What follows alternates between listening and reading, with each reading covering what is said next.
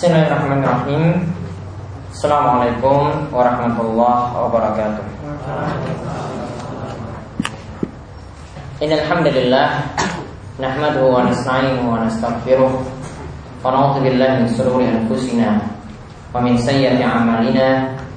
Man yahdihillahu fala mudhillalah Wa man yudlilhu fala hadiyalah Wa asyhadu an la ilaha illallah Wahdahu la syarikalah asyhadu anna Muhammadan abduhu wa rasuluh Allahumma salli ala nabiyyina wa sayyidina Muhammad wa ala alihi wa man tabi'ahum bi ihsanin ila yaumiddin. Baik ikhwan fillah rahimani wa rahimakumullah. Alhamdulillah pada kesempatan kali ini kita kembali melanjutkan pembahasan kita dari matan-matan akidah yang pada kesempatan kali ini kita akan melanjutkan pembahasan kitab tauhid yang mudah-mudahan Allah Subhanahu wa taala Semakin kita mempelajari tauhid Allah Subhanahu wa taala semakin meluruskan akidah kita, memberikan kita ilmu yang bermanfaat dan juga mudah-mudahan pelajaran ini bisa kita juga ajarkan kepada saudara-saudara yang ada di sekitar kita karena banyak sekali yang terjerumus ke dalam kesyirikan karena tidak mau belajar atau duduk di majelis ilmu semacam ini. Padahal ya namanya keberkahan ilmu sebagaimana dikatakan oleh Atur Kumani di dalam kitabnya Barakatul Ilmi Faraju Haddal Bahimiyah Ilal Insaniyah yang namanya keberkahan ilmu itu mengeluarkan orang dari sifat kebinatangan kepada sifat manusia yang sesungguhnya. Yang namanya ilmu barokatul ilmi ya barokah. Ilmu itu adalah dapat mengeluarkan seorang dari sifat kebinatangan kepada sifat manusia yang sesungguhnya. Karena manusia yang sesungguhnya itu mereka mentauhidkan Allah. Mereka mengesahkan Allah Subhanahu wa taala dalam ibadah. Mereka benar-benar mengagungkan Allah.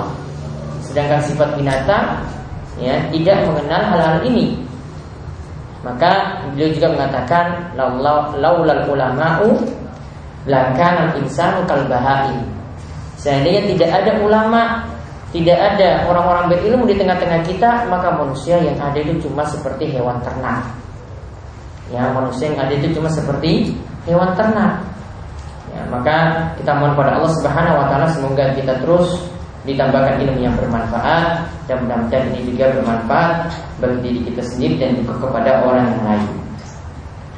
Tapi uh, pembahasan kita terakhir kemarin kita bahas tentang sihir dan macam-macam sihir.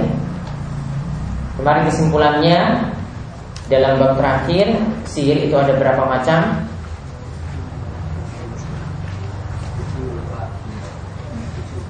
Ada tujuh macam. Ada iyafah, ya. Ada yang disebut dengan iyafah yaitu seperti menggertak burung supaya dapat petunjuk ya mana ketika burung itu bergerak ke kanan berarti itu pertanda baik kalau bergerak ke kiri berarti itu pertanda buruk sama dengan masalah tayyur kemudian aturukoh ya yang dimaksudkan atorku atorkoh itu adalah membuat garis-garis ramalan. Kemudian yang ketiga at-tiyarah. Beranggapan siang. Nah nanti setelah pembahasan sihir ini Nanti Syekh Muhammad itu akan membahas tentang masalah beranggapan sial. Juga nanti akan dibahas secara terperinci Apa dari dalilnya. Ini bagian dari sihir. Ini bagian dari istilah sihir yang sudah kita bahas kemarin Kemudian yang keempat At-Tanjim Yaitu perbintangan Ilmu perbintangan Nanti beliau juga sendirikan pada bab khusus. Jadi atiyara beranggapan sial dikhususkan sendiri. Kemudian tanjim itu dikhususkan sendiri. Kemudian yang kelima al-akad yaitu meniup pada bulbul membacakan mantra-mantra pada bulbul seperti yang dilakukan oleh tukang sihir. Seperti yang kita sering baca dalam surat Al-Falaq wa min syarri nafatsati fil okat dan kejelekan dari tukang sihir yang meniup pada buhul-buhul. Kemudian yang keenam, an-namimah. Mengadu domba. Tidak dibahas secara khusus dalam kitab tauhid. Kalau mau melihat pembahasan an-namimah itu ada di pembahasan Imam Zahabi dalam kitabnya Al-Kabair tentang dosa-dosa besar. Kemudian yang ketujuh, al-kalam al-mulabbis ya atau yang kemarin Nabi SAW katakan inna minal bayani la Sesungguhnya penjelasan yang gamblang Penjelasan yang itu bisa membuat orang itu terbuai Terkagum-kagum Itu adalah sihara Itu adalah sihir. Ya, Jadi kadang dengan ucapan saja itu bisa mengelabui orang lain Karena dia itu adalah seorang orator misalnya Orator membuat orang itu kagum Ya, Jadi seperti itu Nah sekarang yang secara khusus akan dibahas setelah bab sihir ini macam-macam sihir tadi yaitu maja afil buhani wa nahwihim yaitu tentang kahin tukang ramal dan yang semacamnya.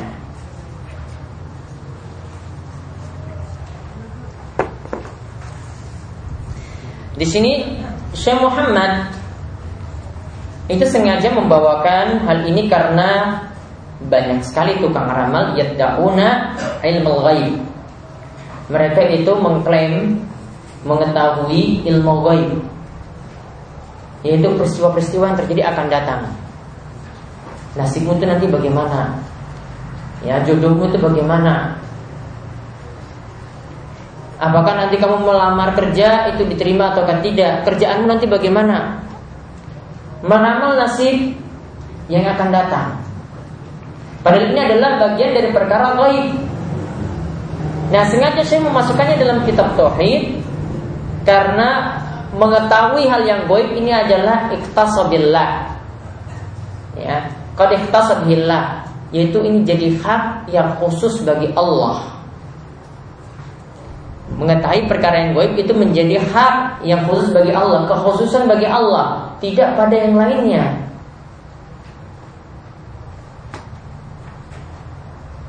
Jadi kalau tukang si, tukang ramal itu mengetahui hal ini berarti dia bersyirikat dengan Allah Subhanahu wa taala dalam mengetahui perkara yang gaib. Berarti menduakan Allah dalam hal mengetahui sesuatu yang gaib. Nah, inilah yang dimaksud dengan kesyirikannya.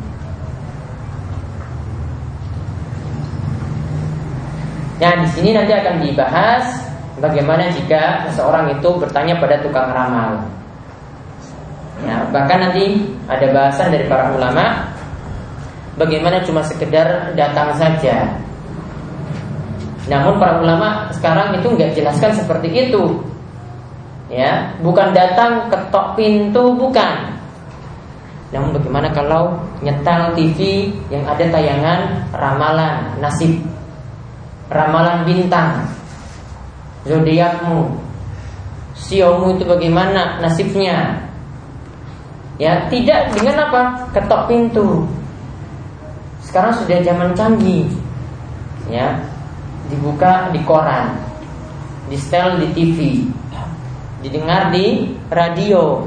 Jadi tukang ramal yang masuk rumah sekarang. Bukan kita yang datang ke rumah tukang ramal. Ya, sekarang gantian yang masuk rumah dimasukkan ke dalam rumah koran tabloid ya. Ada di situ ramalan-ramalan.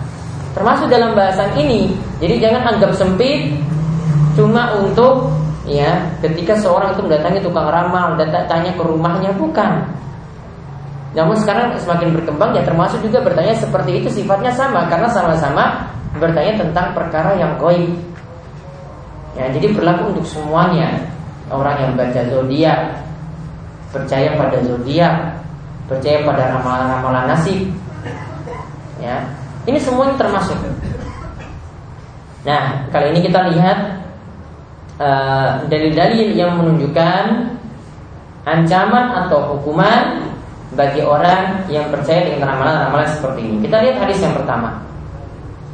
Rawa Muslimun diriwayatkan oleh Imam Muslim di sahihihi dalam kitab sahihnya. An ba'di azwajin Nabi sallallahu alaihi wasallam dari sebagian istri Nabi Shallallahu Alaihi Wasallam. tidak disebutkan ya secara tegas, pokoknya dikatakan dari sebagian istri Nabi Shallallahu Alaihi Wasallam. Anin Nabi SAW dari Nabi Shallallahu Alaihi Wasallam dan sebagian istri Nabi di sini di antaranya adalah Hafsah. Sebagian istri Nabi sini di antaranya itu adalah Hafsah. Nabi SAW itu bersabda, "Man ata arrafan fasa'alahu an syai'in fasaddaqahu lam tuqbal lahu salatun arba'ina yauman." Barang siapa yang mendatangi arrafan ini semua istilah yang sama. Ya. Jadi ada para ulama yang samakan arrofan, kahina itu sama istilahnya. Yaitu maksudnya adalah tukang ramal. Nanti akan dijelaskan oleh Syekh Muhammad nanti di bawah. Ya, setelah beliau menyebutkan di hadisnya, berarti siapa mendatangi tukang ramal? Dia bertanya tentang sesuatu ramalan kepada tukang ramal tersebut. Fasaddaquhu. Lalu dia membenarkannya. Lam tuqbal lahu salatun arba'ina yawman tidak diterima sholatnya selama 40 hari. Hadis ini dikatakan tadi riwayat Muslim sahih. Ini lihat. Ini balasan yang dia peroleh di dunia. Sholatnya tidak diterima selama 40 hari. Terus apakah dia masih wajib sholat? tatkala sudah datang ke tukang ramal atau dia membaca ramalan bintang lantas terpercaya apakah berarti dia sudah tidak usah sholat saja selama 40 hari uang nggak diterima percuma sholat. Maka tentang masalah ini ini sama dengan pembahasan uh, diterangkan oleh Syekh Abdul Aziz bin Bas ketika menerangkan hadis orang yang isbal kemudian itu sholat. Orang yang menjulurkan celananya itu di bawah mata kaki kemudian sholat. Apakah sholatnya diterima atau tidak? Ada hadis yang disebutkan oleh Imam Nawawi dalam kitabnya Riyadhus Shalihin ya dalam pembahasan masalah kitabul libas yang kitab masalah pakaian itu di antara hadis yang beliau bawa ya terdapat dalam kitab Sunan di mana ada seseorang yang pernah melaksanakan sholat kemudian Nabi SAW itu katakan kepadanya izhab izhab ya Idhab pergilah watawadda Lalu berwudulah. Pergilah kamu, kamu tadi kamu sholatmu maksudnya diulangi ya dan berwudulah. Ya. Kemudian dia datang kembali. Ya datang kembali ketika itu ya. Kemudian Nabi SAW masih suruh dia lagi ya. Sholatnya tidak disuruh ulang di situ tapi suruh pergi lagi kamu tadi ya ulangi wudhu lagi. Sampai ketiga kalinya ya Nabi SAW suruh dia pergi kemudian ulangi wudhu maka ketika itu ada seorang sahabat yang dengar seperti itu dari Nabi SAW dia tanya pada Nabi wahai Nabi kenapa tadi orang tersebut itu engkau suruh ulangi wudhu kok kamu nggak jelaskan apa salahnya? Kemudian Nabi SAW itu jelaskan orang tadi ya dia itu sholat dalam keadaan isbal ya dia sholat itu dalam keadaan isbal dan Allah tidak suka seperti itu. Namun Syekh Abdul Aziz bin Bas, kemudian Syekh Al-Albani dan ulama yang lainnya itu mendoakan hadis ini. Kalau secara tekstual dipahami berarti orang yang isbal sholatnya tidak diterima. Namun sebagaimana kata Syekh Abdul Aziz bin Bas bahwasanya sholat seperti ini tetap diterima karena yang disuruh ulangi itu adalah wudhunya. Artinya dia tetap lakukan sholat. Sholatnya tetap harus dia lakukan. Ya, tadi ulangi wudhu sampai berulang kali itu tadi cuma ancaman. Maka beliau katakan juga sama seperti kasus ini. Jadi kalau ada orang yang datangnya tukang ramal, dia sholat atau tidak, dia tetap sholat. Ya, tetap sholat. Sedangkan tadi dosanya tadi dia memakai celana dalam keadaan isbat itu adalah dosa tersendiri. Ya, tapi sholatnya tetap diterima. Ya, tapi kalau tentang masalah ini intinya sholatnya tidak di, dikatakan tidak diterima, tapi tetap dia masih wajib untuk melakukan sholat. Jadi tidak perlu dia beralasan bahwasanya sholatnya tidak dia dilakukan sama sekali karena sholatnya tidak diterima selama 40 hari. Keliru. Dan tetap sholatnya dilakukan. Kewajibannya tetap masih ada. Kalau dia meninggalkan sholat ketika itu, dosanya lebih besar lagi. Kemudian hadis yang berikutnya lagi dari Abu Hurairah radhiyallahu anhu ya dari Nabi SAW di mana hadis ini diriwayatkan oleh Abu Dawud. Ya, dia mengatakan Nabi SAW itu mengatakan man ataka minan fasaddaqahu bima yaqul faqad kafara bima unzila ala Muhammad. Barang siapa yang mendatangi tukang ramal Ya, barang siapa mendatangi tukang ramal Fasaddaqahu bima yaqul Lalu dia membenarkan apa yang tukang ramal tersebut katakan. Fakat kafar bima unzil ala Muhammad maka dia telah kufur terhadap wahyu yang telah diturunkan kepada Nabi Muhammad Sallallahu Alaihi Wasallam. Dikatakan telah kufur terhadap wahyu di sini maksudnya telah kufur terhadap Alkitab dan As-Sunnah, terhadap Al-Quran dan As-Sunnah. Terus kufurnya dimaksudkan di sini apa? Apakah kafir akbar ataukah kafir asgar? Pendapat yang lebih bagus dalam masalah ini sebagaimana kata Syekh Soleh Al Fauzan tidak ditegaskan kafirnya itu kafir apa. Biar menunjukkan ancaman. Gak usah kita bilang itu kafir asgar, kufur asgar, tidak usah. Kalau orang bilang itu kufur asgar, wah kufur kecil, kecil aja kok, ya berarti nggak masalah. Tapi kalau kita mutlakan, pokoknya orangnya itu kufur. Sudah pasti nanti dia begitu hati-hati tidak mau mendatangi tukang ramal, tidak mau membaca ramalan-ramalan. Maka bagusnya dipahami seperti itu. Ya. Jadi kufurnya kufur apa? Pokoknya kufurnya kufur secara mutlak. Itu yang lebih aman sebagai makna ancaman. Nah ini juga yang sempat dijelaskan oleh Syekh Soleh al Syekh. Beliau juga jelaskan demikian. Kadang kita mesti memandai demikian Supaya mengancam orang. Supaya benar-benar mereka itu menjauh Dari ramalan-ramalan seperti itu. Namun kalau kita katakan Wah ini kan kufur asgor Kufur kecil Orang ini akan semakin bermudah-mudahan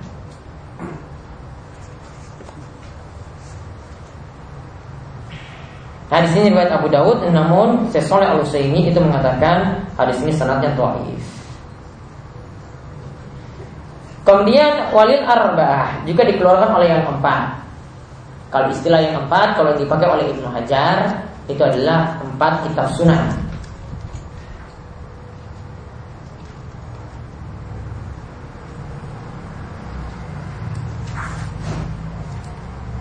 Kemudian diriwayatkan pula oleh Al Hakim Waqal sahihun ala syartihima ya sahih berdasarkan ya syarat Bukhari Muslim.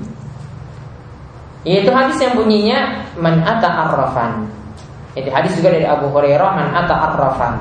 Au kahina, siapa yang mendatangkan arraf, siapa yang mendatangi arraf tukang ramal, au kahina, ya tukang ramal.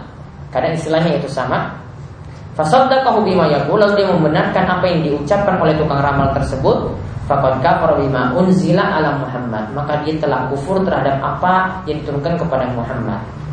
Yaitu telah kufur terhadap Al-Quran dan As-Sunnah. Karena Al-Quran dan As-Sunnah itu menegaskan hanya Allah yang mengetahui ilmu gaib ya, hanya Allah yang mengetahui ilmu gaib tidak mungkin Allah bersyarikat dalam masalah ini Hadis ini sanadnya sahih kata Salah Usaimi.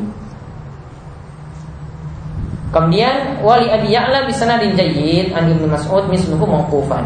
Juga ada hadis yang disebutkan oleh Abu Ya'la dengan sanad yang jayyid dari sahabat Ibnu Mas'ud, dari dari Abu Hurairah. Ya semisal itu pula lafaznya mauqufan. Hadis ini cuma mauquf cuma sampai sahabat artinya cuma perkataan Ibnu Mas'ud. Kemudian ada hadis juga dari Imran bin Husain radhiyallahu anhu marfu'an ya, yaitu marfu sampai pada Nabi sallallahu alaihi wasallam. Yaitu Nabi SAW itu bersabda, "Laisa minna man tatayyara aw tutayyira Laisa minna. Bukanlah termasuk golongan kami. Istilah seperti ini para ulama golongkan berarti ini termasuk dosa besar. Ya, istilah seperti ini ini termasuk dosa besar. Seperti juga misalnya Nabi SAW itu katakan terhadap orang yang bohong ketika jual beli. Ya, Nabi SAW katakan, "Man ghasyana falaysa minna." Siapa yang berdusta kepada kami, maka dia tidak termasuk golongan kami. Ketika itu ada seorang penjual itu melakukan jual beli, disembunyikan gandum yang jelek itu di bagian bawah, gandum yang halus ditaruh di bagian atas. Kemudian ketika Nabi SAW lihat, oh nampak ini kok gandumnya itu bagus. Namun ketika Nabi SAW itu masukkan tangannya ke dalam, kemudian beliau meraba, ternyata ada gandum yang jelek yang disembunyikan. Kemudian Nabi SAW itu katakan seperti tadi Man minna Siapa yang berdusta kepada kami Maka tidak termasuk golongan kami Berarti apa? Berdusta dosa besar sama dengan yang disebutkan dalam ini juga Laisa minna Berarti ini juga termasuk dosa-dosa besar Yaitu yang pertama Mantatayyara aututuyirolah Itu siapa yang beranggapan sial Ya Dan dia tutuyirola dia ridho dengan anggapan sial tersebut. Kemudian autakahana autukuhinalah yaitu dia membuat ramalan atau orang yang ridho dengan ramalan tersebut. Orang yang ridho artinya orang yang membenarkan. Oh betul nih ramalan ini betul. Ya nasibnya itu betul pas minggu ini pas dengan saya. Kemarin bilang saya ini belum belum dapat uang kiriman juga iya betul ramalannya ya, ya memang akhir bulan ya, ramalannya yang pas kemudian ausahara ausuhiralah itu orang yang melakukan sihir dan orang yang ridho kepada sihir. Ya orang yang melakukan sihir dan ridho kepada sihir. Kemudian waman ataka hinan. Kata Nabi SAW, siapa yang mendatangi tukang ramal, fasaddakohu fasaddakohu bima yaqul lalu membenarkan apa yang ia katakan. Fakot kafar bima unzila ala Muhammad maka dia telah kufur terhadap apa yang diturunkan kepada Nabi Muhammad itu telah kufur terhadap Al-Qur'an dan As-Sunnah. Hadis ini Rahu Al-Bazzar bisnad jayyid diriwayatkan oleh Al-Bazzar dengan sanad yang jayyid.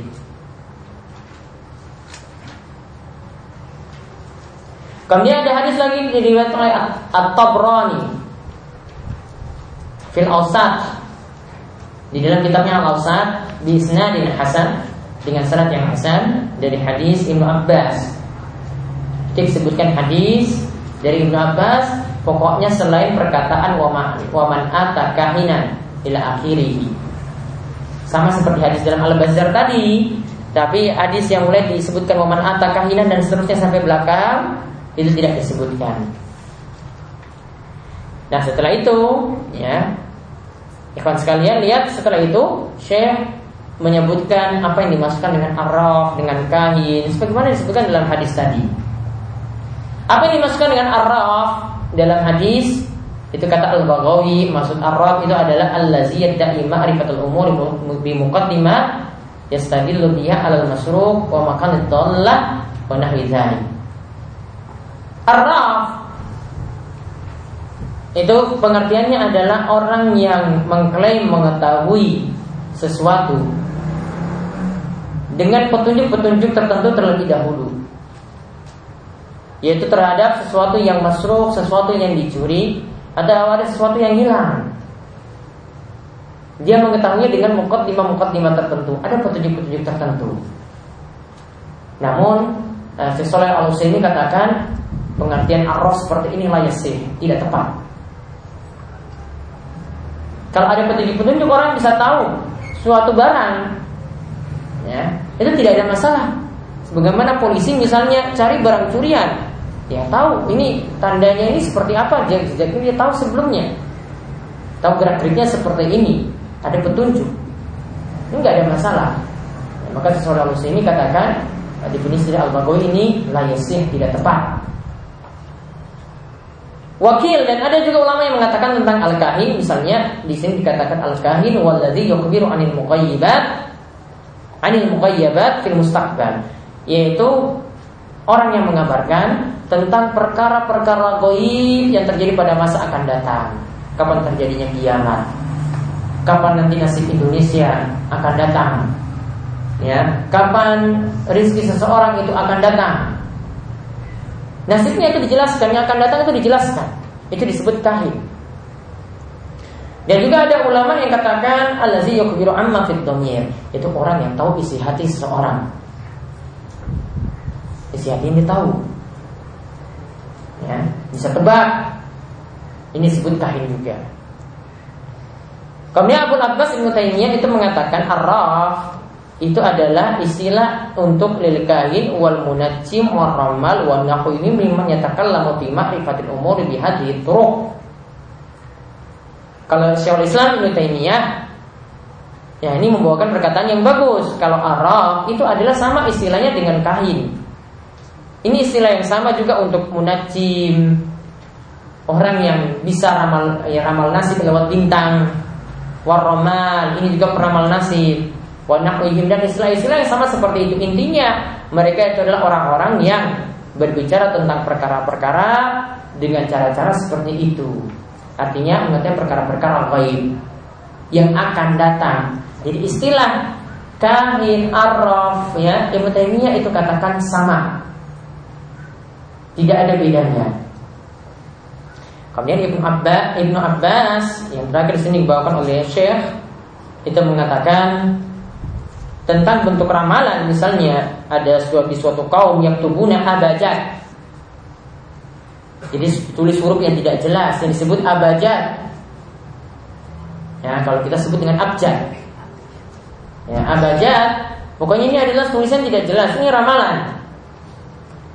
Wayanzuruna fin nujum lalu dia lihat tulisan tadi dia bandingkan dengan apa yang ada dengan gerakan-gerakan bintang.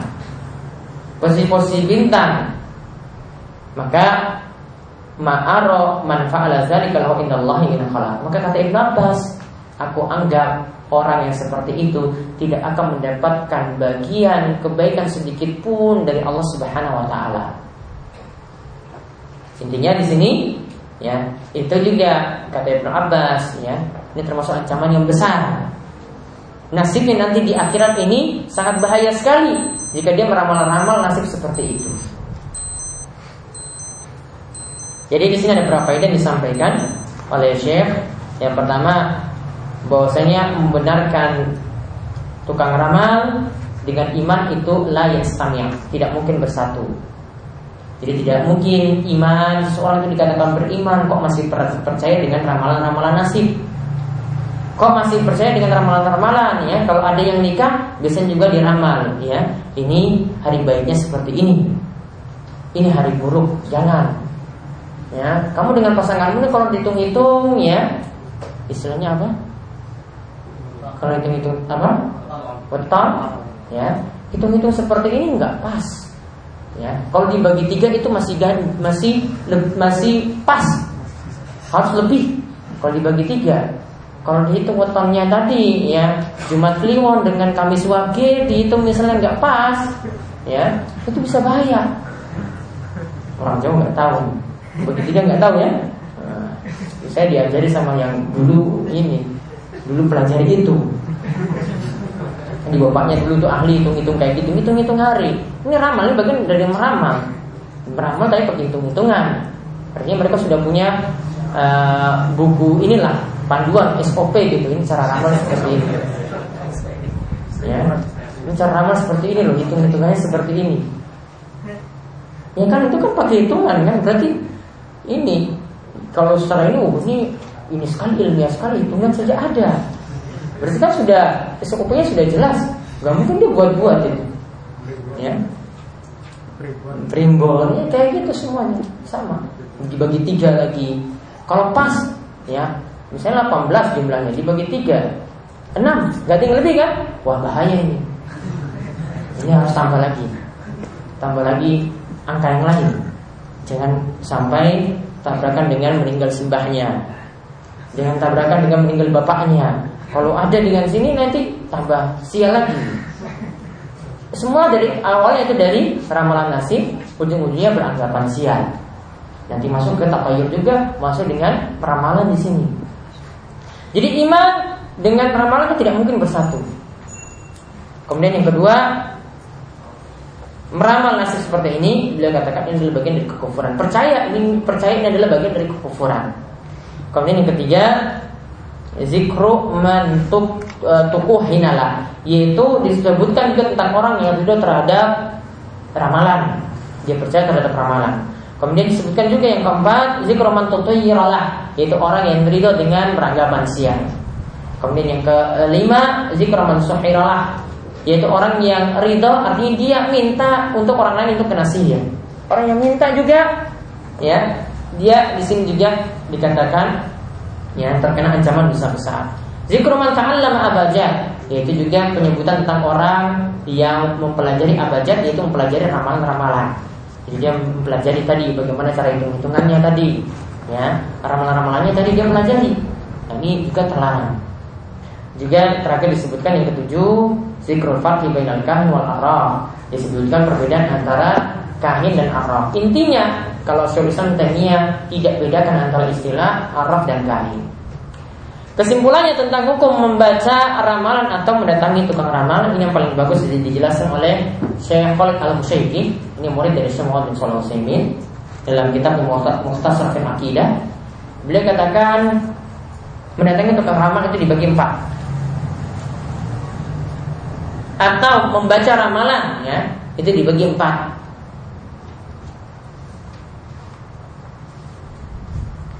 Yang pertama, jika mendatangi tukang ramal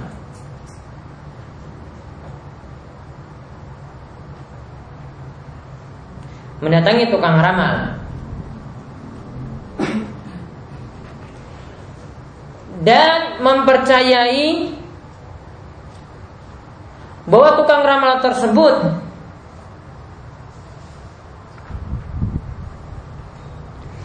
Yang mengetahui hal gaib.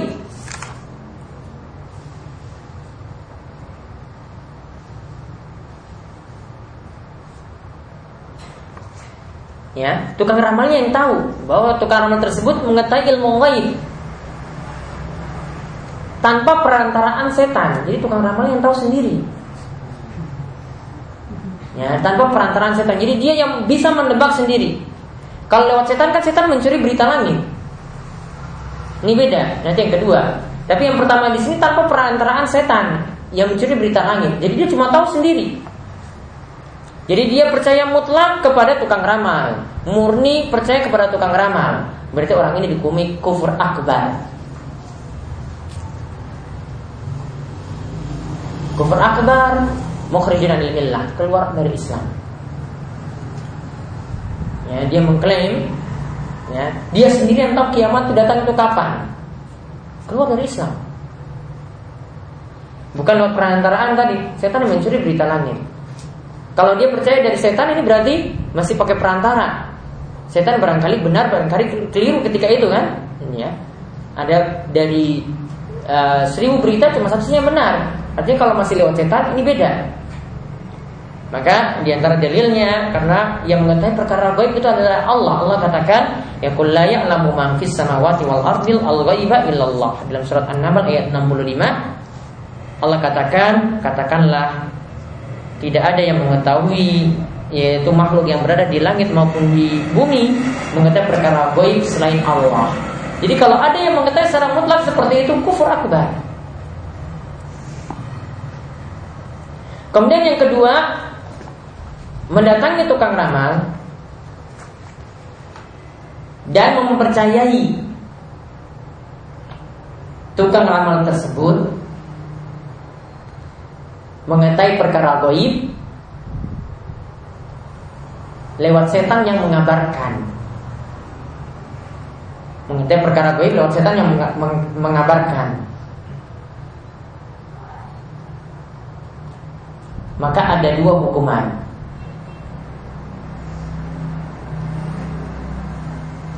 ada dua hukuman. Yang pertama Sholatnya selama 40 hari tidak diterima. Yang kedua Yang pertama tadi sholatnya selama 40 hari tidak diterima. Yang kedua Dia telah kufur Terhadap wahyu yang diturunkan kepada Nabi Muhammad Kalau saya salah Fauzan berpendapat Kufurnya kufur mutlak, pokoknya dikatakan kufur. Namun kalau Syekh Khalid al-Musyaifi di sini katakan kufurnya ini maksudnya adalah kufur asghar. Namun kalau sampaikan kepada orang-orang awam, sampaikan saja pokoknya kufur. Tapi yang jelas memang kufurnya tidak mengeluarkan dari Islam.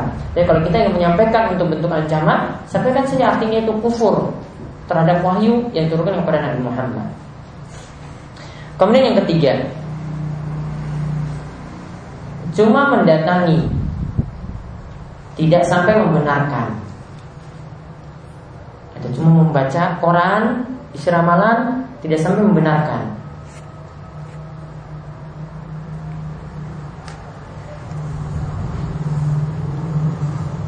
Maka ini tetap haram untuk mencegah keharaman yang lebih parah untuk satu zara'i untuk mencegah keharaman yang lebih parah.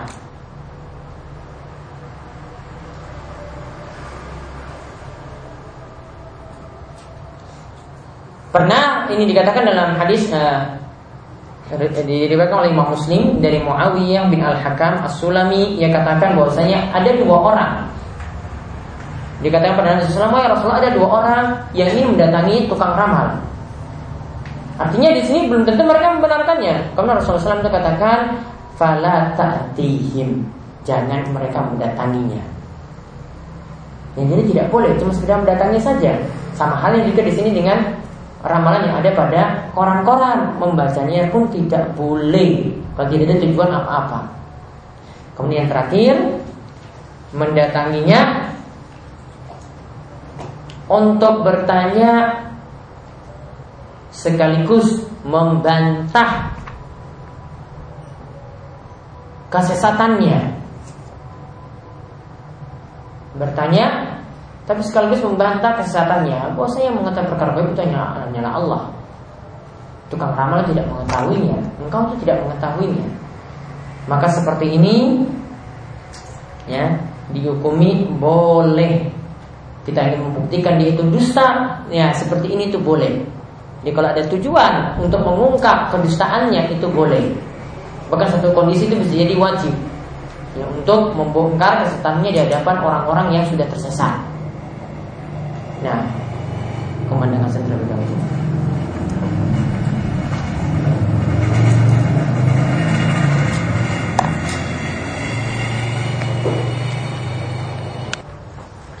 dahulu. kemudian kita lanjutkan lagi bab yang baru setelah beliau membahas tentang masalah ramalan, Syekh Muhammad melanjutkan tentang cara mengobati sihir. Ada di sini diistilahkan dengan nusrah. Nusrah yaitu kalau diartikan itu cara mengobati sihir. Namun nusrah di kalangan Arab dahulu Nusrah itu identik dengan mengobati sihir dengan sihir. Jadi sihir dilawan dengan sihir. Tapi nanti bagaimana penjelasan dari Ibnu Qayyim, nusrah itu nanti dibagi dua. Cara mengobati sihir dibagi dengan dibagi dua. Ada yang dibolehkan, ada yang dilarang. Nah, kita lihat di sini uh, ada beberapa hadis yang disebutkan dalam bab ini. Ini cukup ringkas. Di sini dikatakan yang pertama dari hadis Jabir bahwasanya Rasulullah SAW itu pernah suila anin nusrah ditanya tentang nusrah apa itu nusrah kemudian Nabi SAW itu menjawab ia min amal syaitan. Nusrah itu adalah amalan setan tapi yang dimaksud di sini Ikhwan Fiddin sekalian Yang dimaksud di sini adalah nusra yang dinilai sirik. Yaitu mengobati sihir dengan sihir lagi. Karena sihir itu adalah dengan melakukan perbuatan syirik terlebih dahulu berarti nusra yang tidak boleh adalah nusra yang ada kesyirikan. Jadi dimasukkan dengan hadis ini sebagaimana diterangkan oleh Sesra al syekh nusra yang dimaksud ini adalah nusra dengan menggunakan mantra-mantra ya dengan menggunakan jambi-jambi, dengan menggunakan jimat-jimat yang itu mengandung kesyirikan. Jadi itu pantas dikatakan min amal syaitan. Itu adalah bagian dari amalan syaitan. Hadis ini diriwayatkan oleh Imam Ahmad dengan sanad yang jayid dan Abu Dawud ya. Begitu juga dikatakan Su'ila Ahmad anha. Kata Abu Dawud Imam Ahmad pernah ditanya tentang nusrah. Kemudian Imam Ahmad mengatakan Ibnu Mas'ud ya hadza. Ibnu Mas'ud itu memakruhkan itu semuanya. Karena pernah kita bahas Ibnu Mas'ud ya dan di antara muridnya Ibrahim An-Nakhai ya itu memakruhkan atau tidak membolehkan jimat dari ayat-ayat Al-Qur'an. Ya, jimat dari ayat-ayat Al-Qur'an itu tidak boleh. Sudah kita bahas dulu tentang tamai, tentang tamimah. Nah, jadi Ibnu Mas'ud tuh berbicara tentang ini juga sama karena beliau di sini ini yang dimaksudkan di sini adalah Ibnu Mas'ud itu memakruhkan nusrah yang dari jimat-jimat Al-Qur'an. Jadi dipercayakan di situ kata Syekh Saleh Al itu seperti itu. Jadi dimaksudkan adalah Ibnu Mas'ud itu tidak suka sihir itu diobati dengan jimat-jimat Al-Qur'an. Tapi kalau dengan rukyah itu termasuk yang dibolehkan. Nanti akan jelas oleh Ibnu Qayyim. Kemudian dikatakan juga di sini hadis fil Bukhari dalam Sahih Bukhari dari Qatadah. Yaitu aku pernah bertanya kepada Ibnu Musayyib, ada rajulun, ada seseorang bihitibun dan dia itu bisa mengobati au yu'akhadhu an imra'atihi ya. Dan dia itu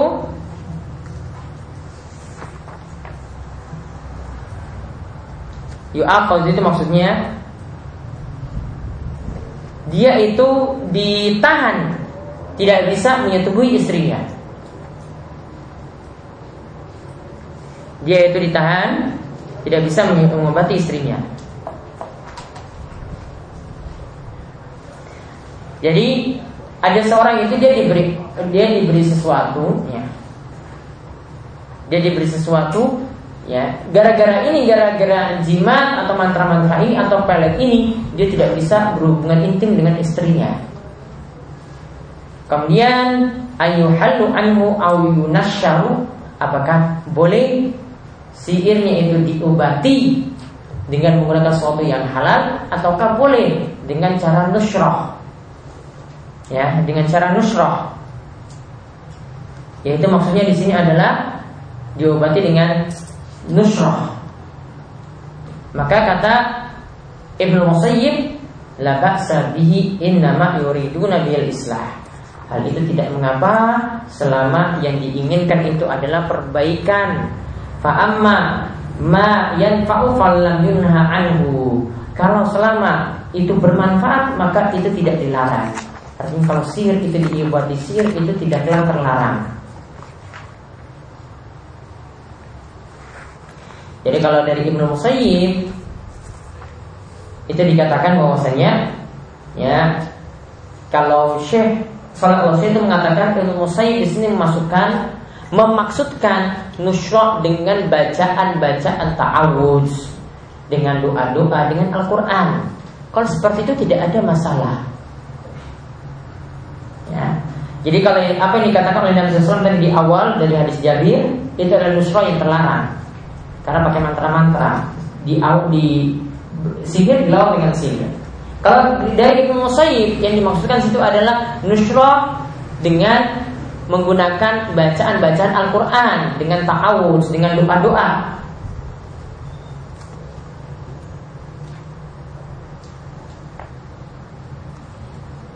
Kemudian dikatakan lagi dari dari riwayat dari Al Hasan Al Basri yang mengatakan la yahulu sihra illa sahir.